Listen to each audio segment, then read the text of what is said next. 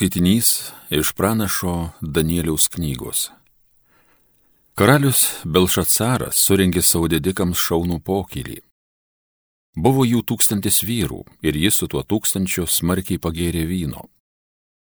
Įkaušęs Belšacaras liepė atnešti aukso sidabro indus, kuriuos jo tėvas Nebukanacaras buvo pagrobęs iš Jeruzalės šventyklos. Iš jų dabar gerti galėjo karalius ir jo didikai, jo žmonos ir sugulovis. Taigi atnešė aukso indus, pagrobtus iš dievų namų šventovės Jeruzalėje, ir karalius bei jo didikai, jo žmonos ir sugulovis ėmė iš jų gerti. Jie gėrė vyną ir gyrė dievaičius iš aukso ir sidabro, išvarė ir geležies iš medžio ir akmens. Ta pačia valanda priešai žibintą pasirodė žmogaus pirštai ir jie kažką užrašė ant baltai nudažytos karaliaus rūmų sienos. Pats karalius matė rašančią ranką. Jisai išbliško ir visas suglebo, pradėjo drebėti jo keliai. Tada pas karalių atvedė Danielių. Karalius jam tarė, tai tu Danielius, vienas iš atvarytųjų žydų, kuriuos mano tėvas karalius šiandien parsivarė iš judo Girdėjau, kad tavyje esanti dievų dvasia, kad tu pasižymys šviesiu protu, išmanimu, nepaprastai išmintimi. Girdėjau, kad moki išaiškinti, išspręsti sunkius dalykus.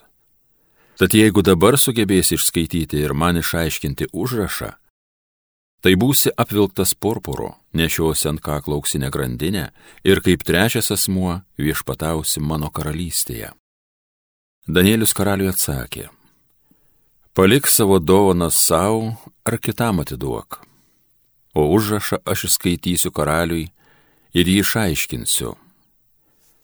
Tu pakilai prieš dangaus viešpatį ir atgabenai indus iš jo šventyklos.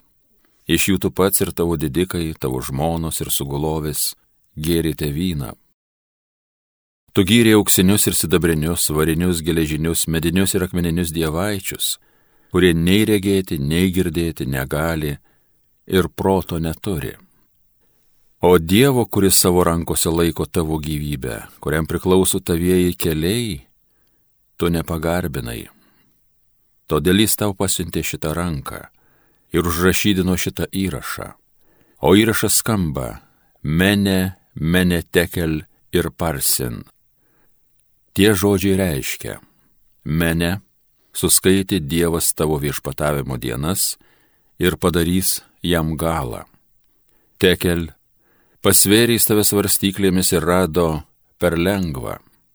Parsin dalyjama tavo karalystė ir atiduodama medams ir persams. Tai Dievo žodis.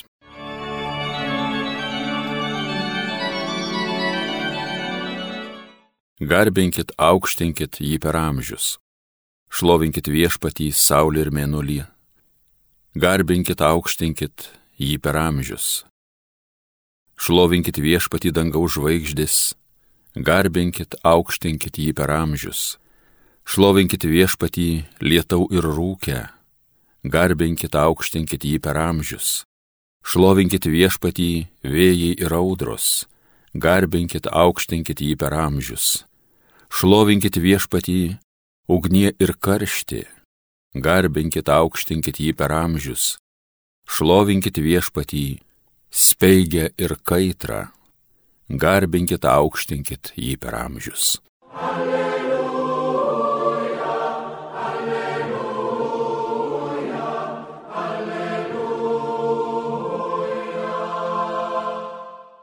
Būk ištikimas iki mirties, sako viešpats, ir aš tau duosiu gyvenimo vainiką.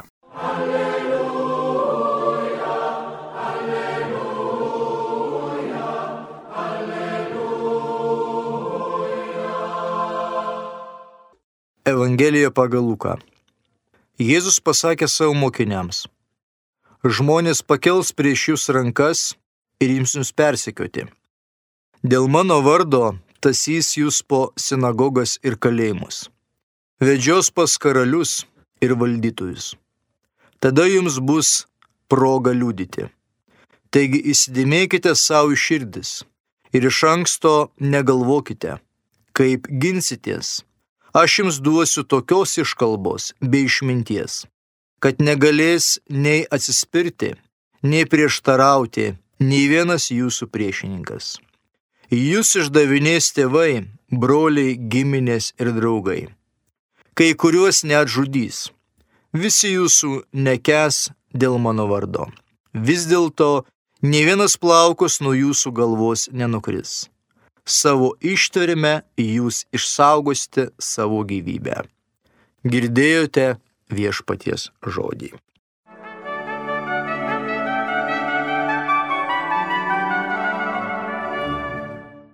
Brangus Marijos radio klausytojai, artėja Advento laikotarpis, todėl 34 eilinis sekmadienis ir praktiškai po jo einančios Evangelijos kalba apokaliptiniu žanru.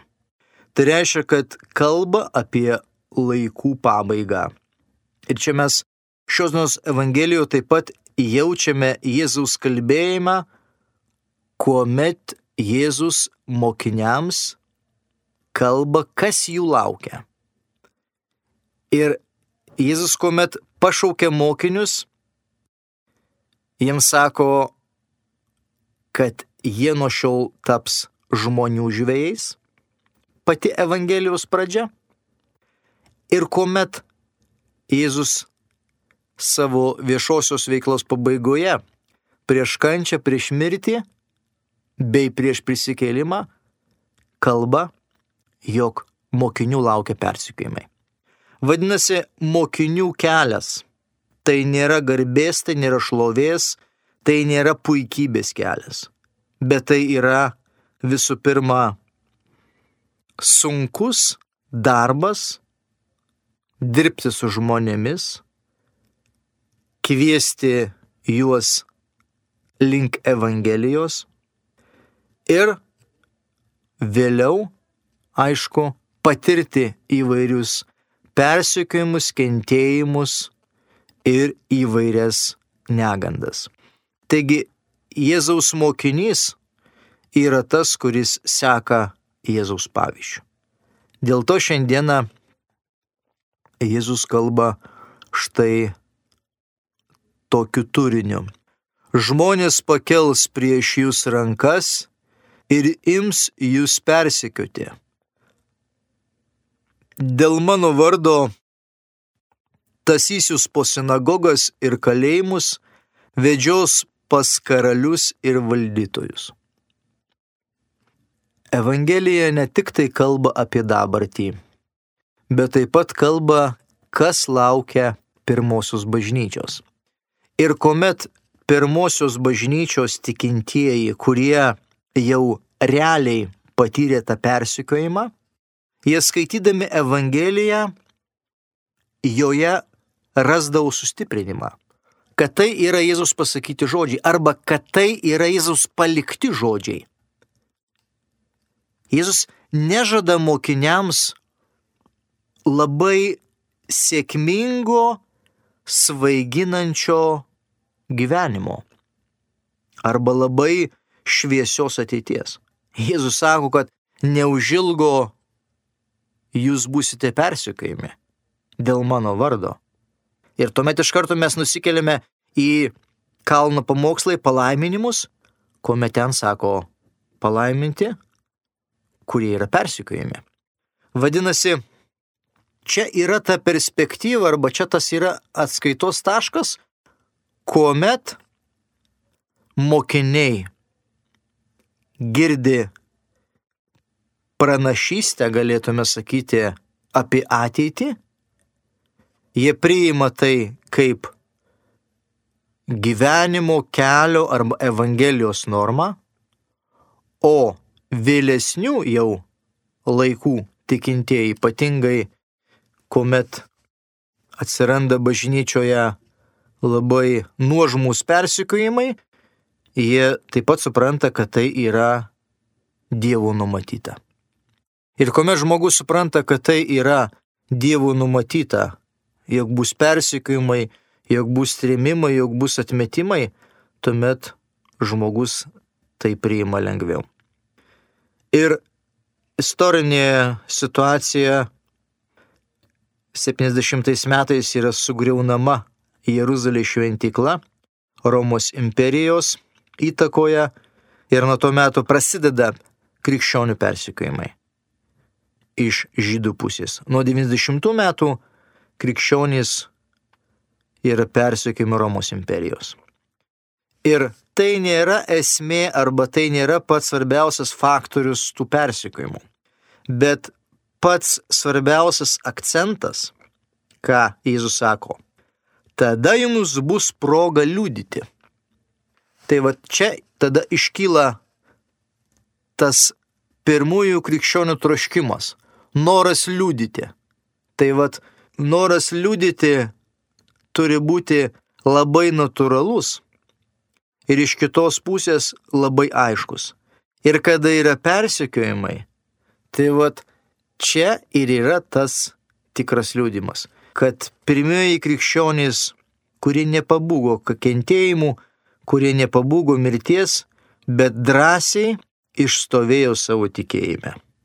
Ir graikiškas žodis liūdyti martirėjo ne tik reiškia liūdyti, bet taip pat ir mirti kankinio mirtimi. Vadinasi, tikėjimo liūdimas tai reiškia, kad aš išstoviu iki galo. Aš savo tikėjimą deklaruoju ir man iš tikrųjų nesvarbu, kas vyks toliau su mano kūnu. Svarbiausia, kad mano siela išliktų sąžininga, teisi ir kad aš galėčiau pavildyti tuomet amžinai gyvenimą. Taip, įsidėmėkite savo iširdis ir iš anksto negalvokite, kaip ginsitės, aš jums duosiu tokios iškalbos bei išminties, kad negalės nei atsispirti, nei prieštarauti, ne vienas jūsų priešininkas. Ir va štai šitas eilutės mes puikiai paskui sutinkame pašlų darbuose, kuomet Steponas, pirmasis kankinys, diakonas, taip kalbėjo teisme, kad visi buvo sužavėti, visi buvo nustebę ir niekas negalėjo jam paprieštarauti.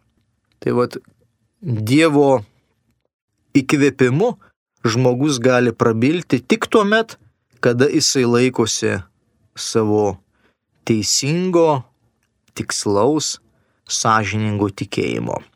Apibendrina šios dienos Evangeliją, mes pastebime labai tokią aiškę liniją, kad yra atsakymas į iškilusi klausimą, koks yra krikščionio tikinčiojo gyvenimo kelias arba tikėjimo kelias.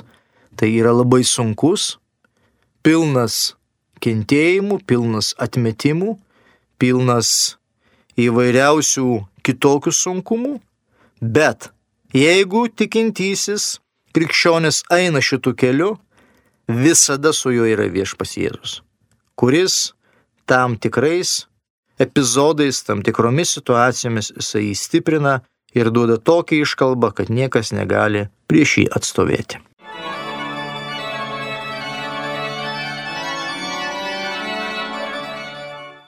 Homilija sakė kunigas Linas Šipavičius.